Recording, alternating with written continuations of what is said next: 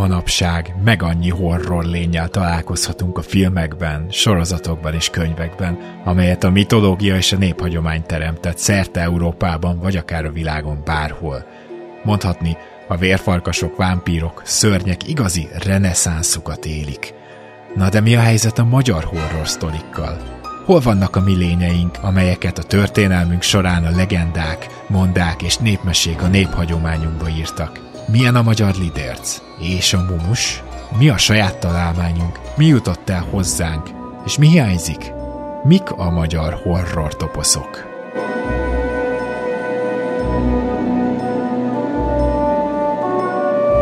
Ez az Itt és Akkor podcast. Rédai Gáborral és az idők nagy kalandoraival.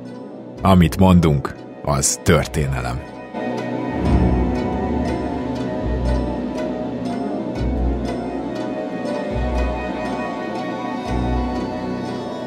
Sok szeretettel köszöntünk mindenkit az Itt és Akkor podcastben, ahol most egy picit a magyar horror történetét szeretném felidézni, na nem a filmekét, hanem inkább azt, hogy a, a kulturális hagyományainkban a rémek, rémtörténetek hogyan, mint jelennek meg, erre ma hallhatunk példákat, és egy olyan vendégem van, aki nem olyan rég hallhattatok, kedves hallgatók, ugyanis a néprajzkutató és mesemondó Sándor Ildikó ül itt velem szemben. Köszönöm szépen, hogy ismételten eljöttél. Szeretettel üdvözöllek, és nagyon megkönnyebbültem, amikor mondtad, hogy nem a horrorfilmekről lesz szó, mert arról ismer a környezetem, hogy na én horrorfilmet nem tudok megnézni, az nálam kiveri a biztosítékot.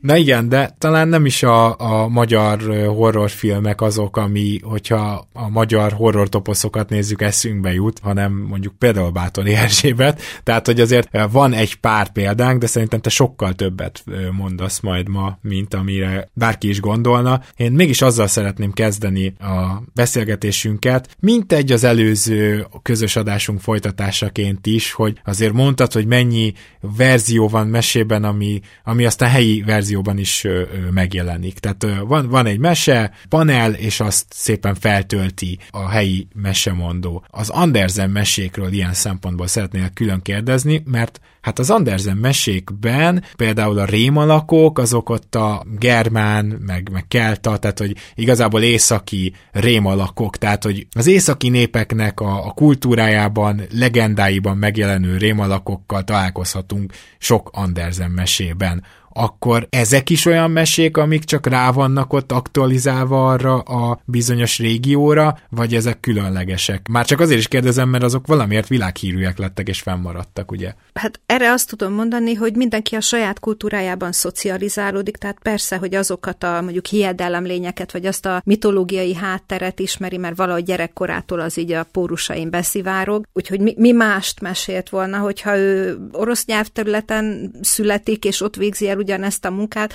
akkor lehet, hogy ma a, a szláv mitológiát és hiedelemvilágot ismerjük, érzékeljük annyira, mint ahogy Andersennek köszönhetően ezt az északi régióból valót. És hát természetesen a magyar mesékben, ha mesékről beszélünk, akkor a valami módon a magyar hitvilág, vagy, vagy, vagy tehát a mi valóságunkra van ez hangolva, ami nem azt jelenti, hogy csupa piros-fehér-zöld kokárdás hiedelemlény vagy figura Aha. mászkál a mesékben, után, de mégis valahogy úgy, hogy ennek a régiónak a képzetkörei vannak. Sokáig nem értettem elég jól, de most már egyre inkább, amikor azt tanították nekünk az egyetemen, hogy nem csak az az izgalmas, hogy mi az, ami van, mondjuk a magyar mesékben, vagy a Igen. magyar kultúrában, hanem mi az, ami hiányzik belőle. És mindjárt mondok példát, és innentől nagyon izgi lesz a dolog. Nálunk nem csak mese, hanem most a mondákat és a hiedelem babonák világát és a hiedelem lényeket is hozzuk be ide. Például nincsenek olyan karakterek, karakterű szereplők vagy jelenségek a szövegekben, az anyagban, mint amilyen a gyűrűk urában. A fákban lévő szellemek, tündérek,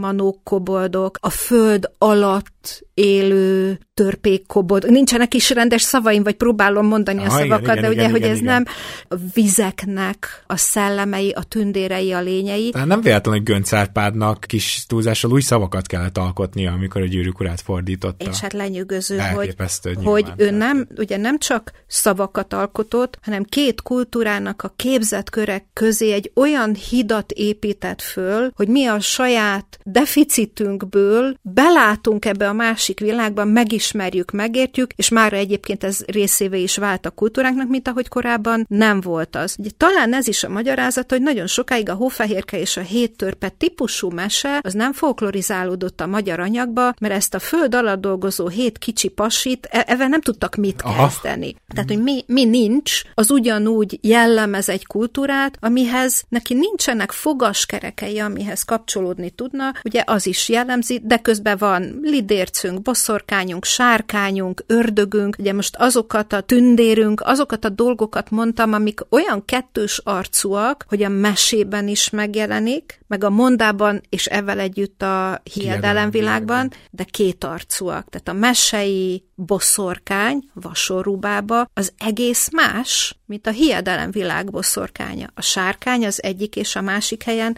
két külön univerzum, és az ördög ugyanígy. Egyébként rögtön a vasorú bábára nagyon könnyen rá tudok csatlakozni, most rögtön eszembe jutottak a mágneses viccek, mindegy, de hogy az, hogy, hogy tényleg van olyan, ahol a vasorú bába végül is nem olyan gonosz, vagy vég, de, de közben meg van, ahol kifejezetten egy horror alak, amit ha ma, ma feldolgoznánk egy horrorfilmbe, akkor abból tényleg jó anyag lenne. Tehát, hogy, hogy erre a kettősségre is gondolsz? Ugye a mesék vasorú bábája az nő, egyértelműen. A boszorkányok a boszorkányperekben, vagy a hiedelem világban férfiak és nők is lehetnek, az csak a mai köztudatban, hogy az, az, az egy női feladatkör, nem, az, az, az egy vegyes nemű dolog volt. Ahogy mondtad, és ez nagyon fontos, hogy a mesei vasorubába olykor tanácsot ad, olykor segít, olykor protektív. A hiedelem világ boszorkánya egyértelműen kizárólag negatív szereplő, akinek a mágikus károkozás ezt hívjuk úgy, hogy a rontás. Tehát Aha. mit csinál? Ront, ami ne, nem fizikailag, de szörnyűségeket csinál a, az ember fiával, és ugye azt a mágikus károkozást mágikus módon kell elhárítani, míg hogyha konfliktusba kerülsz a mesei vasorú bábával, ott a mese logikája szerint épül tovább a történet. És Solymosi Sándor azt mondja, hogy a vasorú bába az valami módon a matriarhátus egyfajta ö, zárványként való továbbélése, megőrződése, ezért is van a, mit mondunk, szerencsét, hogy öreg anyádnak szólítottál el. Hogy az öreg női státusz egykoron, mint egy kiemelt státusz volt a Igen. társadalomban. Igen, érdekes, hogy ugye a nyelvünkben, szólásainkban is ez tovább él. Mondasz nekem egy-két magyar rém alakot a mesékből? Olyan meséket tudok mondani, amik, tehát egyszerre mesék és, és olyan, hát mondjuk így hiedelem tört, tehát a hiedelmek nagyon erősen hatnak rájuk. Az egyik az az ördög szerető, a másik pedig a halott vőlegény. Na ezek ilyen nagyon, ahogy ma mondanák, para mesék, Igen. ezek egy gyerekek jelenlétében biztos, hogy nem mondanám, én nem is mondom ezeket, mert nem állnak ezek a történetek jól nekem, de hallgatni nagyon szeretem, és jól kifélem közben magamat. Az ördög szerető meséje körülbelül arról szól, hogy benne egy nagyon szép lány, finnyás válogatós, és vagy elküldi, vagy nem, és nem lesz neki kedvese, és egyszer csak azt mondja, hogy én nem bánom, ha maga az ördög is, és egyszer csak nyílik a fonó ajta, és egy gyönyörű, szép fiatal ember bejön, és egyenesen ő mellé ül le, hát teszi neki a szépet, ugye ottan hamarosan kezd épülni kettői között a kapcsolat, és hazakísérgeti, és akkor egyszer csak a lány meglátja, hogy ennek patája van. És Hát vagy kimenekül az ördög bűvköréből, vagy pedig e, elragadja őt, és akkor itt egyáltalán nem pozitív a vége a történetnek, hanem hát meghal ez a, ez a lány. És itt azért válogatott rettenetek vannak, ennek nagyon karakteresen ponyva íze van, tehát ez nem csak a szóbeliségben, hanem nyomtatott ponyvaként Értem. is terjed. A halott vőlegény is kicsit hasonló ehhez. Amögött az a hiedelem van, ezt nagyon pontosan tudjuk, ugye, hogy tehát van egy olyan szabály, hogyha meg meghal valaki hozzátartozót, persze meg kell gyászolni, méltóan el kell siratni, de nem szabad túlzottan siratni. Tehát, hogy van egy pont, ahol már a, a megállt kell a fájdalmadnak parancsolni, és vissza kell a normalitásba térni. Ugye ez a társadalmi elvárás, és azt mondják, hogy ha te nem hagyod abba, akkor visszajáró halott lesz belőle. Ó, szóval és jönnek akkor, a szellemei. Jön, jön, jön ez a vőlegény, és jaj, de szépen süt a hold, egy eleven meg egy hold, félsze tőle tőlem rózsám szólal meg a halott vőlegény. Ugye a lány tudja, hogy, hogy halottként jön vissza, és itt is két befejezés van, vagy az, hogy megszabadul ettől a kísértettől, mondjuk Igen. így, vagy ott van a másik, amikor elragadja magával a túlvilágra a lányt a halott vőlegény, mert ugye tabut sértett, vagy egy normát sértett. Értem. Akkor most egy két magyar példával is belementünk. Picit itt a környező népek példájai közül a Dracula grófot szerettem volna előhozni. Ugye ez az egész vámpírmese, ez most hihetetlen nagyot futott, a vámpírmese toposz, és nyilván elsősorban a filmekben, de hát aztán már jöttek a rosszabbnál rosszabb könyvek is, már elnézést, de hogy ott ugye, ami ott nagyon népszerű lett, az szerintem egészen katasztrofális, és ezzel kapcsolatban azt szeretném elmondani, hogy például versenyeznek itt a körülöttünk lévő szláv népek, hogy ez most akkor igazából moldáv, vagy román, vagy szlovák, vagy esetleg erdélyi, ugye Vlad Tepes szokták emlegetni, aki leginkább moldáv volt, vagy hát legalábbis egy a mai moldáv területen élő. De hogy én úgy tudom, hogy ennek sok verziója van. És hogy például ez egy klasszikus olyan horror elem, ami aztán a mai modern világunkban totálisan, tehát átszőtte, velünk van, a nagyot mindennapjainkban ment. nagyot ment, így van. És ilyenek eljutottak a magyar mesékbe, vagy mondjuk a székely mesékbe legalább, ha már nekik ott volt szinte a szomszédban? Amennyire én tudom, amennyire az anyagot ismerem, hát végtelen ugye a mese és a Jó, igen. monda anyagunk, és nem lehetek én eléggé járatos benne. Ez a Dracula vámpíros, vérszívós, éjjel-nappal, tehát a igen. fényre, hogy reagáló figura, ez a magyar anyagban nem jelenik, vagy meg, vagy nem, nem gyakorolt hatást. Itt is azt mondom, hogy nagyon érdekes, hogy mi az, amire nem fogékony ez a kultúra. De ez tényleg itt volt a szomszédban. Legalábbis ugye most, ami, most amiről beszélek, az a, az a néphagyomány, a szájhagyományozó Igen. kultúra, tehát abban ez nem igen jelenik meg. Ha van figura, amelyik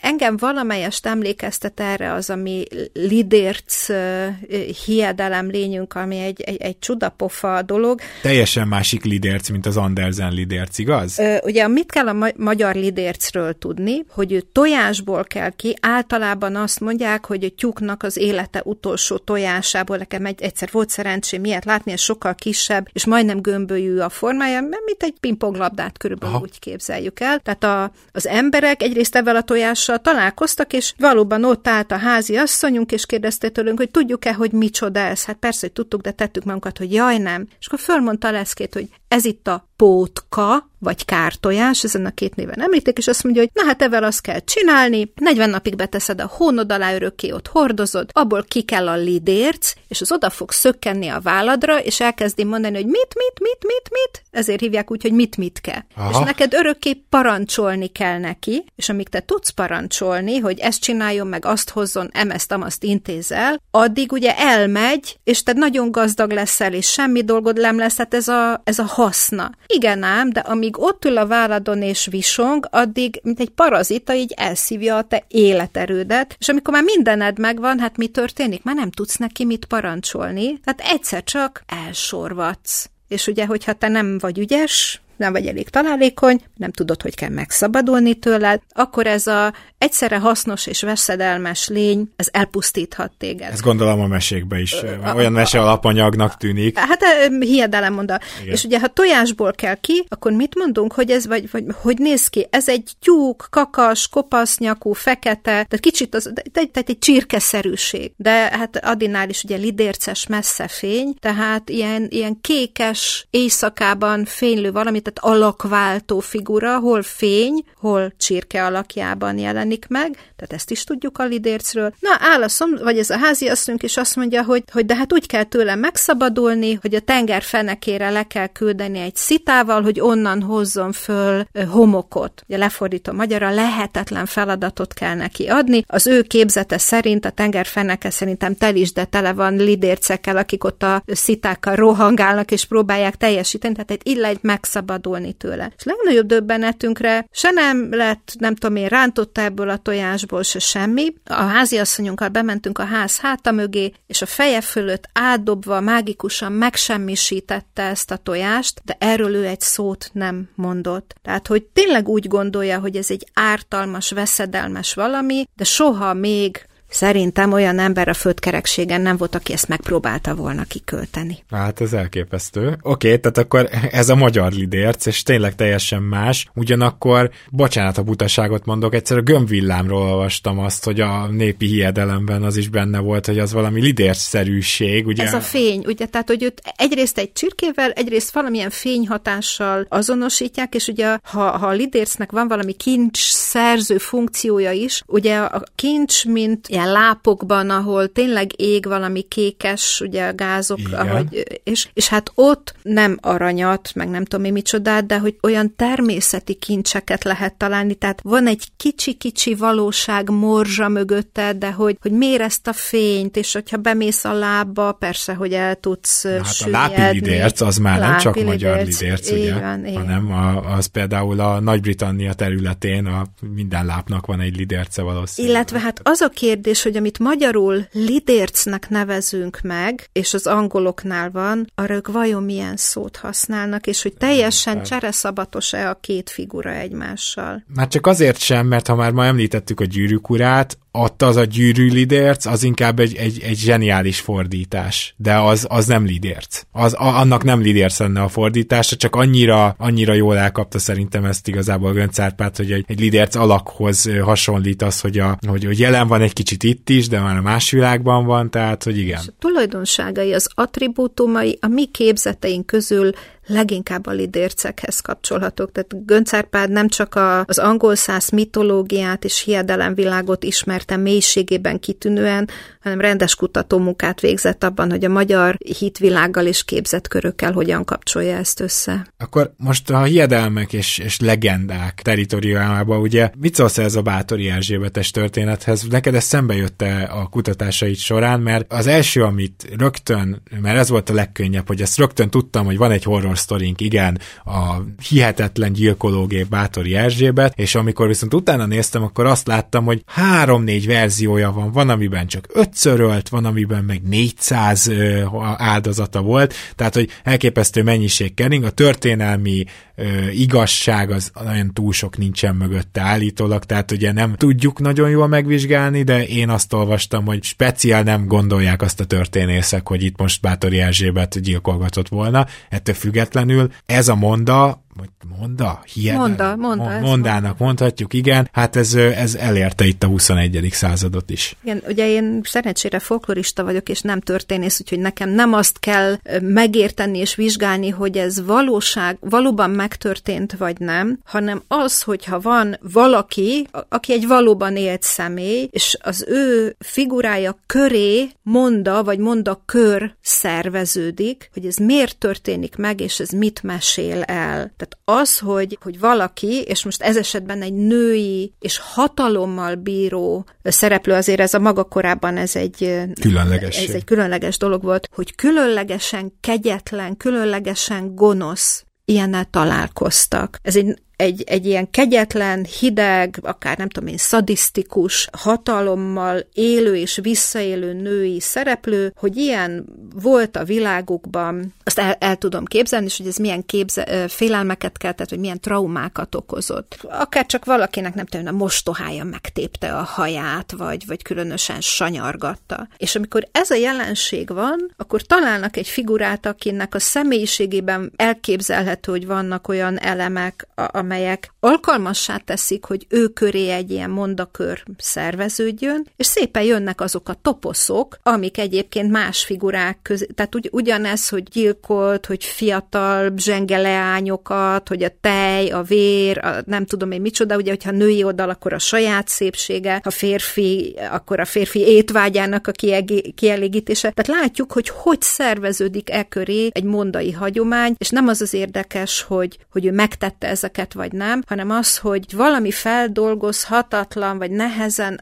megélhető érzelmeinket, félelmeinket, frusztrációnkat ezeken a történeteken keresztül tudjuk megragadhatóvá tenni a magunk számára. Ez tehát teljesen ugyanúgy működik így, hogy is mondjam, csak szociálpszichológiai szempontból, mint ma egy film. Igen, így gondolom. Értem.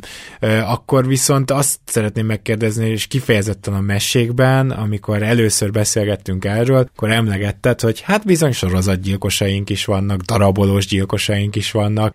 Lehet, hogy ma már ez nem elégíti ki a horror kategóriáját, de azért érezzük, hogy ez egy horror toposz mindenképpen, és láttunk ilyen thrillereket, illetve horrorfilmeket is, de hát akkor ezek szerint ezek a dolgok azért mert sokkal régebb óta velünk voltak a mesékben, igaz? Hát a mesének a borzalom, a szerves szerves része, ugye ahhoz nagyon kell félni, nagyon, nagyon egzisztenciálisan, nagyon fenyegetetnek kell lenni, és a mesehallgatónak is azonosulva a mesehőssel ezt kell megélni, hogy a végén a nagy katarzis jöjjön. És két példát hadd mondjak. Az egyiket Baranyai, ha jól emlékszem, cigány mesemondó mondja, amelyik egy, egy kék szakál történet, tehát itt ugye a francia és egy, egy egyéb nyugat-európai párhuzamok is bejönnek, amikor jön egy szerecsen, és az özvegyasszony anyának szép sorjába először a legkisebbik lányát, nem a legnagyobbat elviszi, mert azt veszi el feleségül. Na, annak otthon feladatokat ad, azt nem teljesíti, miszlik be, de véres kegyetlenséggel szétvágja, és a fejét külön meg a testrészeit egy vászonzsákba, a kamrába fölakasztja. Na, a szerecsen megy hoz, haza az anyóshoz, és azt mondja, hogy jaj, hát megbetegedett a, a feleségem,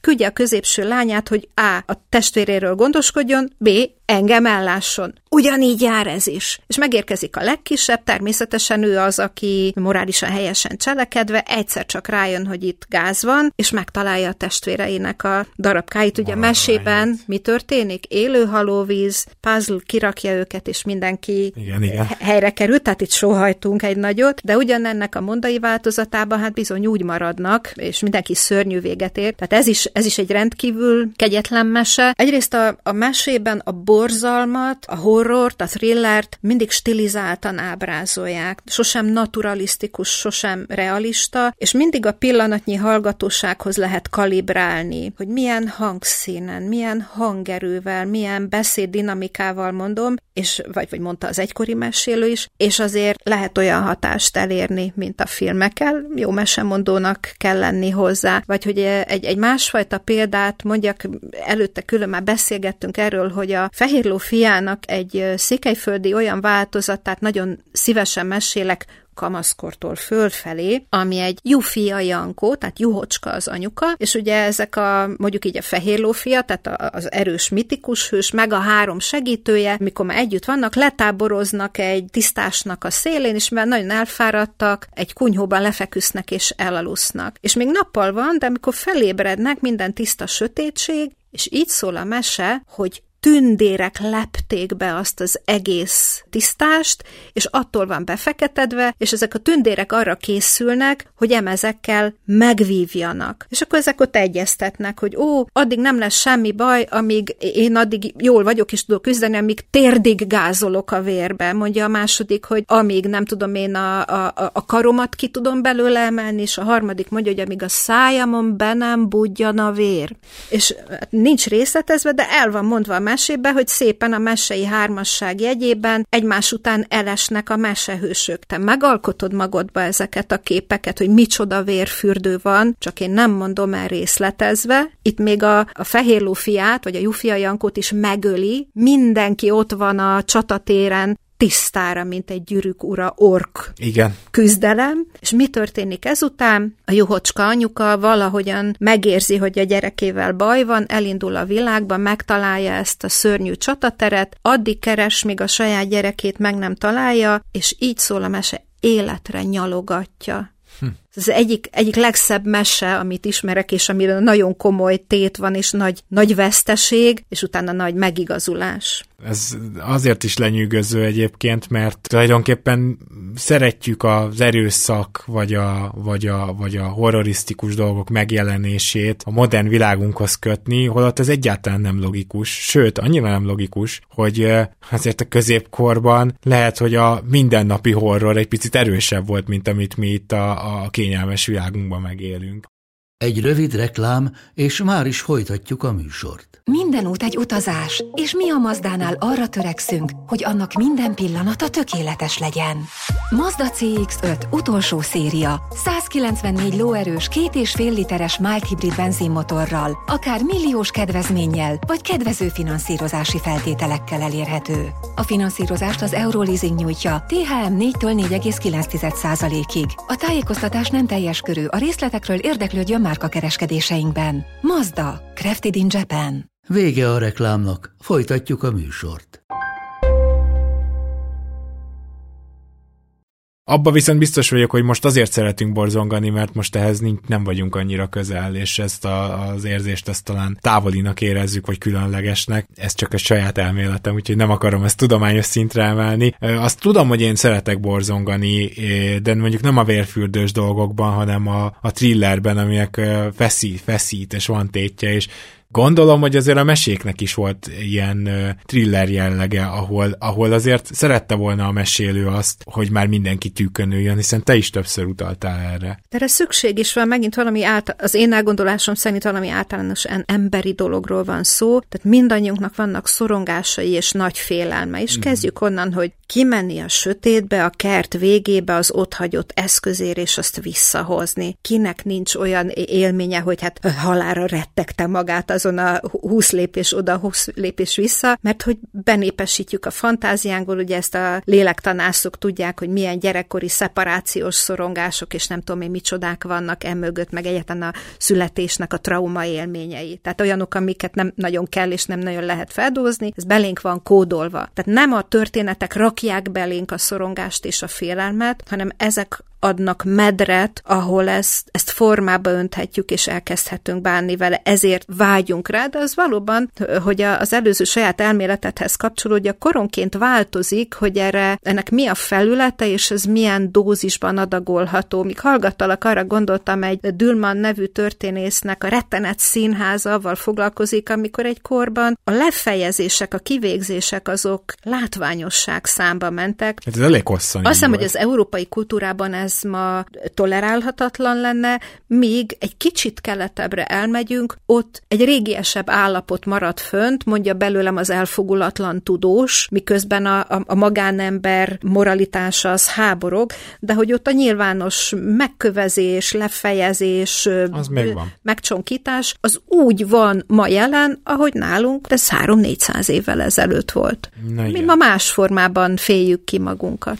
Hát ma más formában féljük ki magunkat magunkat. Ez egy nagyon szuper mondat, nagyon tetszik. Meg akartam kérdezni, hogy van, hogy, hogy hány akár rémalak, akár, akár horror toposz lehet, amit átvettünk. Mert itt gondolok például a krampuszokra, már mint amikor a, elmesélik a szüleink azt, hogy hát hogy jön a Mikulás, akkor azért csak kapunk egy ilyen mesét a krampuszokról. A mumus ami egy nagyon meghatározhatatlan, például ugye a J.K. Rowling a Harry Potterbe teljesen máshogy használta föl, mint ahogy mondjuk én megismertem gyerekkoromban, hogy mi az a mumus, de, de, de azért ezek gondolom valahogy így a magyar kultúrába is beszöktek, és ezek, ha jól sejtem, nem magyar eredetűek. Hát a magyar néprajzi lexikon és szakirodalom külön címszót is szentel ennek, hogy ezek a gyermekijesztők. Tehát amivel a felnőttek a gyerekeket riogatják, és ez valaha tájanként más és más volt, de hát ahogy mondtad a mumust, zsákos ember, fekete ember, aztán ugye ez most nem lesz PC, de hát akkor is volt a rendőr, ugye elvisz a rendőr bácsi, tehát így mm. is van. Na, a fönn a északi nyelvterületen, a Palóc vidéken elvisz a markoláb, és nem tudjuk megmondani, ez egy annyira el, elhalványodott lény, hogy nem tudjuk megmondani a formáját, a tulajdonságait, a lakóhelyét, az egyéb üzemelési módját, csak így maradt meg, hogy elvisz a markoláb, illetve azt mondják, amikor a teli holdban néznek, hogy mi látható a teli holdban, a hold Hát a markoláb. Ó, értem. Másút meg ilyen fekete ember, zsákos ember, mumus, sok, sokféle elnevezéssel vannak ezek a gyermekijesztők. Ugye a Krampus ez egy, ez egy különös, izgalmas dolog, mert ő a Mikulás mellett jelenik meg, és ők ketten megtestesítik a jó és a rossz attribútumot. Kedves öreg bácsi, akihez imádkozunk, és ez a fekete... Groteszk horror már bocsánat. A, akitől, a, a, akitől nagyon kell félni, és akivel Igen. a szülők riogattak, egykor azt hiszem a más szülők ezt nem merik megtenni, a gyermekvédelmi hatóság, de hogy, hogy kétségtelenül ezt a világnak, ezt a kétpólusú jellegét maszkos alakoskodóként tapinthatóan fizikailag is megjelenítik, na meg egész évben mesélnek, és az egyik ajándékoz, a másik büntet, szóval a, a jó és a rossz pólusok ott vannak ezekben is. És a Krampusról tudjuk, hogy ez hát valahol a, tehát hogy ez nem,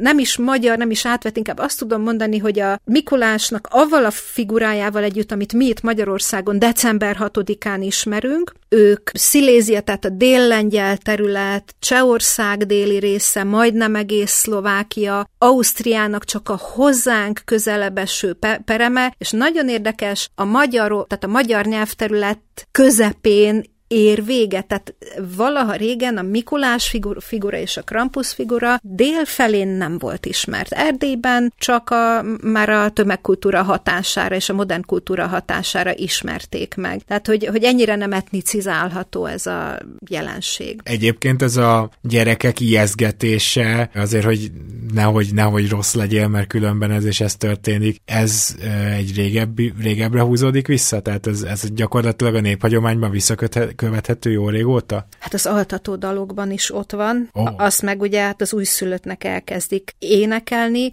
Nem vagyok én egy fejlődéslélektánnal foglalkozó pszichológus, de azért gyerekfolklórral elég sokat foglalkoztam. Én azt gondolom, hogy ez egyfajta olyan szükséges kondicionálás, az nagy baj lenne, ha a gyerek nem nem félne, ha, ha mindenre azt mondja, hogy jaj, olyan szép és jó ez a világ, és itt minden oké. Okay. És ez az, aki meg oda megy, és megsimogatja az oroszlánt, ugye? Tehát, hogy... Igen, és le, tehát be, belép a szakadékba, és igen, igen. tehát, hogy meg kell tanulni, hogy a, a világ veszélyes és félelmes, és biztonságos, és minket támogató környezettel és lényekkel van, és ezt valami módon a hitvilágon, a gyerekfolklóron, sokféle formákon keresztül tanítják meg. Most eszembe jutott még valami, és kifejezetten érdekes, hogy nem az előző adásunkba hoztam fel, hanem most a horror alakoknál jutott eszembe a vallás, de hogy a hiedelem világunkban legalábbis ugye a démonok, ugye az ördög, hát ez már beszéltünk is róla, de, de például a démonok megjelenése, hát ezek gyakorlatilag a vallási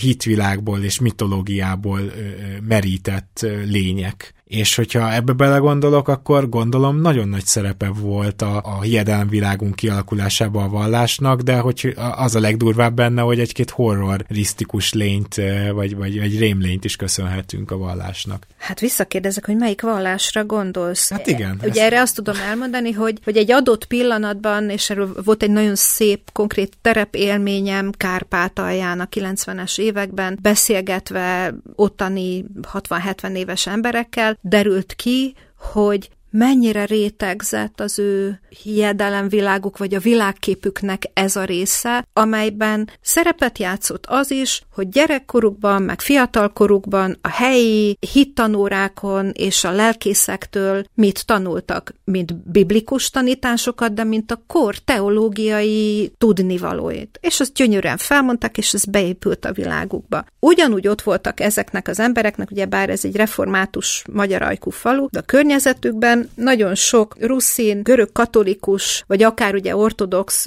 görög-keleti, bizánci ritusú vallások, akik, ha szabad így mondom, retentő babonásak, ahol az exorcizmus, az ördögűzés, mint élő egyházi gyakorlat, de mellette a népi vallásosságnak a ráböjtölés és a hiedelem lényei, és ott bizony a különböző kultúrák és vallások között egy sokkal nagyobb átjárhatóság volt, ökumenikusak voltak ilyen igen, tekintetben. Igen, Tehát a józan reformátusok olyan lényeket vagy olyan gyakorlatot folytattak, amit, hogyha az ország más részére mészel, nem találkozol vele. És ugyanitt... Mondhatjuk, áll... bocs, hogy a démonjaink és az angyalaink valahol hasonlóak? Hát van, van átjárhatóság, mondjuk így. És, és ugyan itt állom elbeszélésként túlvilágjárást mondtak el ezek a falusi emberek nekem, és abban gyönyörűségesen előjöttek olyan antik toposzok a túlvilági révészről, oh. az evilágot a holtak birodalmától el elválasztó folyóról. Egyiptom. Ami, hát Egyiptom és az antik görög és római kultúra, és ott hallgattam ledöbbenten, hogy ezeknek az embereknek ez honnan jön, és az egyes tudásaik, amik bennük egy egységet alkottak, hogy mondjam, logikailag vagy teológiai szempontból egymást kizáró dolgok voltak, de ők olyan harmóniába hozták össze, és úgy mesélték el egyiket a másikával, tehát azért kérdeztem vissza, hogy melyik vallás? És hogy egy középkori kereszténység, vagy egy barokk kereszténység, vagy egy 20. század elejé racionálisabb teológia világa, és ebbe az adott térségnek a, a hiedelem lényei, a, a népi hitvilága, és az nem azonos a népi vallásosságával, tehát ami a kereszténységen kívüli elemeket jelenti, hogy ezek egy milyen kombinációt alkotnak egymással. Két kérdésem maradt számodra. Az egyik, hát az előző, egyik előző adásunkban beszélgettünk Dózsa Györgyről, és ott nyilván szóba került a kivégzése, és hát megtudtuk, hogy ahogy Dózsa Györgyel kapcsolatban szinte semmi nem úgy van, ahogy gondoljuk, a kivégzése sem, a helyzet ugye úgy áll, hogy elég brutális kivégzése volt, de nem olyan, mint ami él a hagyományainkban, annyira nem volt durva. Pedig már az, ele, az is horrorisztikus, hogyha egy izzó trónra ráültetnek, vagy bocsánat, hogyha egy izzó koronát raknak a fejed de izotonra nem ültették rá. Ez a valószínű.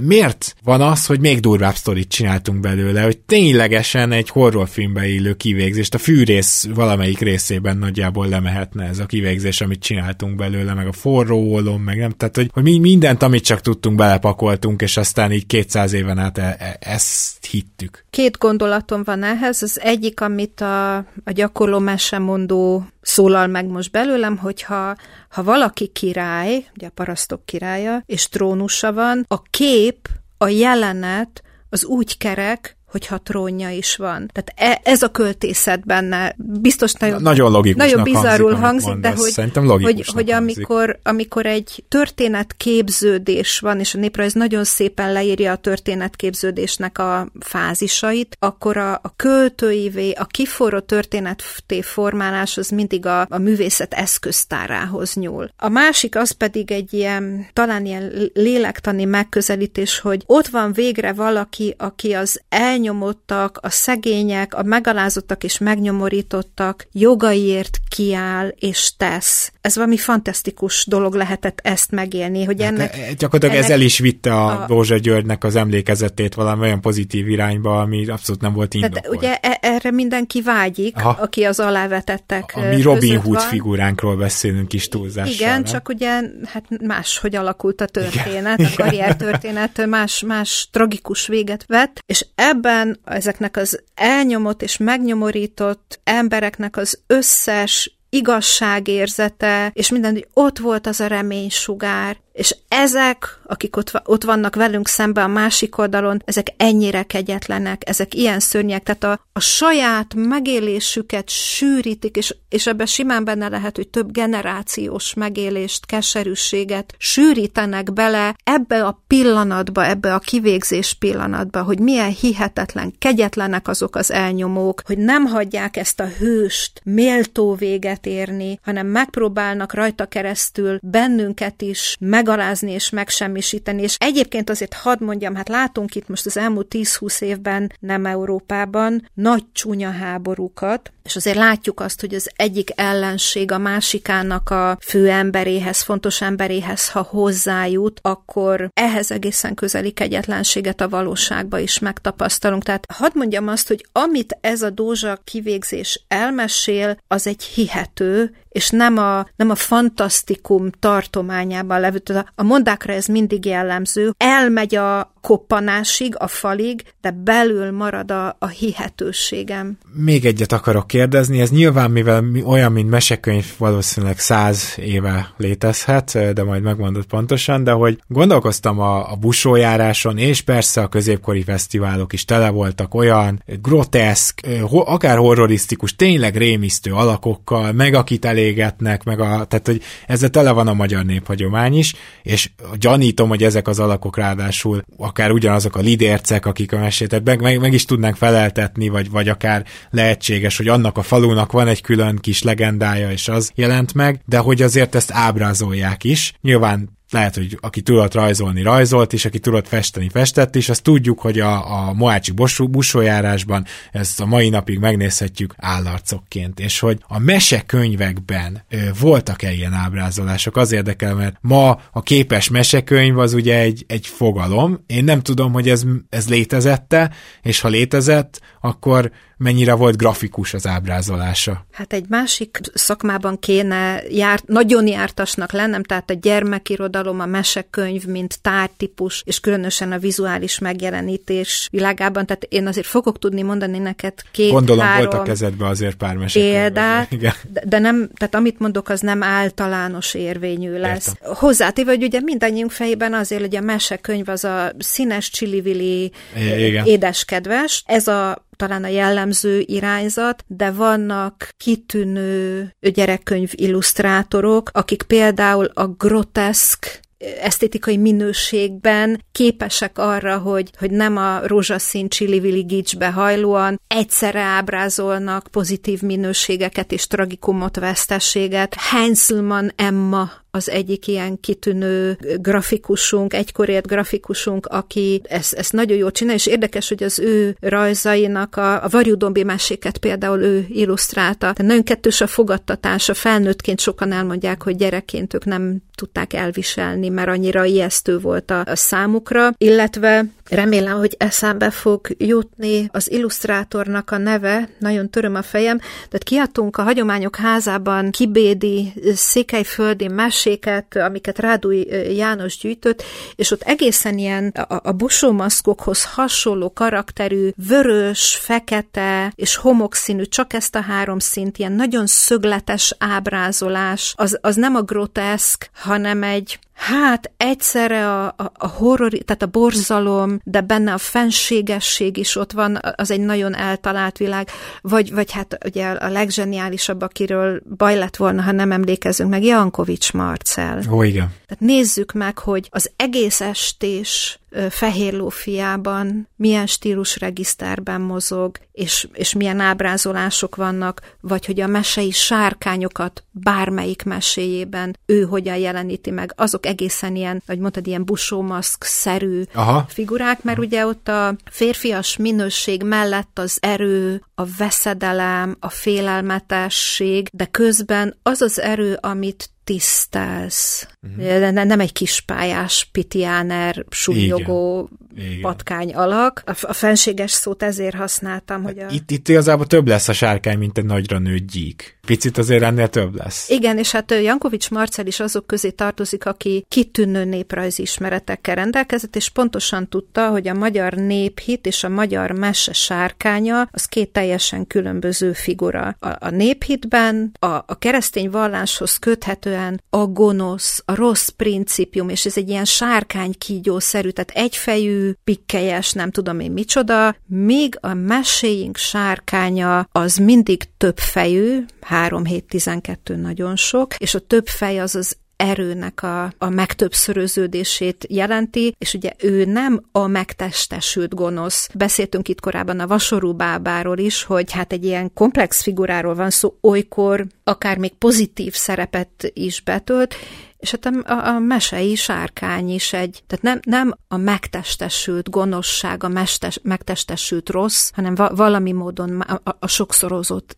erő és veszedelem. Oké, okay, tényleg utolsó utáni kérdés, csak a groteszkkel én sokat foglalkoztam a szakdolgozatomban is például, és egyszerűen mo- most esett le nekem, hogy az a groteszk, amit örkénynél megismerünk, az szerintem kb. csak a népmesékben jelenik meg korábbról úgy igazán. De hogy, hogy ott aztán groteszk helyzetek, tehát nem azt mondom, hogy groteszk ábrázolás, groteszk helyzetek, az rengeteg van. Tehát a, ami egy kis diszonanciát kelt bennünk, hogy nem tudom, akkor a szegény embernek a lánya mutassa a csúnyáját a király királynak, meg nem tudom, hogy ez, ezek azért mégiscsak ilyen totál örkényi helyzetek. Nem tudom, mennyire értesz ezzel egyet, most nem kell itt az egész világirodalmat nyilván áttekintenünk, csak azt akarom mondani, hogy a groteszk ábrázolás, vagy, vagy helyzet komikum szituáció az azért része a népmeséknek, nem? A népmeséknek is, illetve hát nem hiába emlegetted a, a buszójárás, mert végig az járt az eszembe, hogy a farsang, az egész karneváli időszak, amikor a, az improvizált, dramatikus játékok, maszkos alakoskodók jelennek meg, az, az a karneváli röhögésnek, a kifordult világnak, a groteszk gúnynak az ideje, tehát ennek is megvolt a néphagyományban a felülete. Ugye Tarkovsky ezt mesterien ábrázolja az Andrei Rubljovban, hogy megint hozzunk egy másik párhuzamot, hogy ez nem magyar sajátosság. És igen, tulajdonképpen ez a, ez a népi, középkori népi világkép és a középkori nevetés, ami nagyon másfajta nevetés, mint a, a mai, és nagyon másfajta humor, mint a mai. Örkény ebből szabad így mondani, egy, egy, zseniális riméket csinált, úgy, hogy a 20.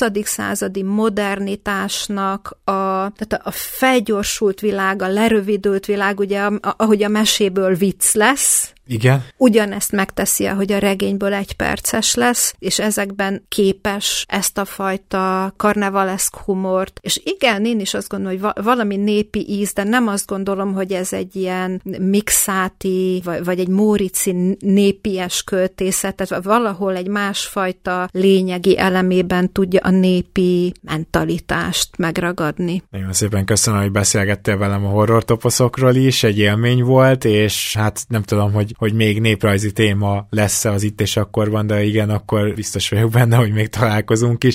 Köszi, hogy elfogadtad ismét a meghívást. Köszönöm a beszélgetést. Hát Sándor Ildikóval beszélgettünk, azt hiszem, hogy ez a horror toposz, ez nekem volt egy régi vágyam, de remélem, kedves hallgatók, ti is nagyon élveztétek, és sok mindent megtudhattatok. Most viszont búcsúzunk. Rédai Gábor köszön el, illetve Katona Csaba segédszerkesztő, valamint a producer párosunk Hampuk Rihárd és Román Balázs, és mi pedig jövünk a következő héten egy klasszikusabb történelmi témával, váltogatjuk ezeket, amit ma mondtunk, az viszont már történelem.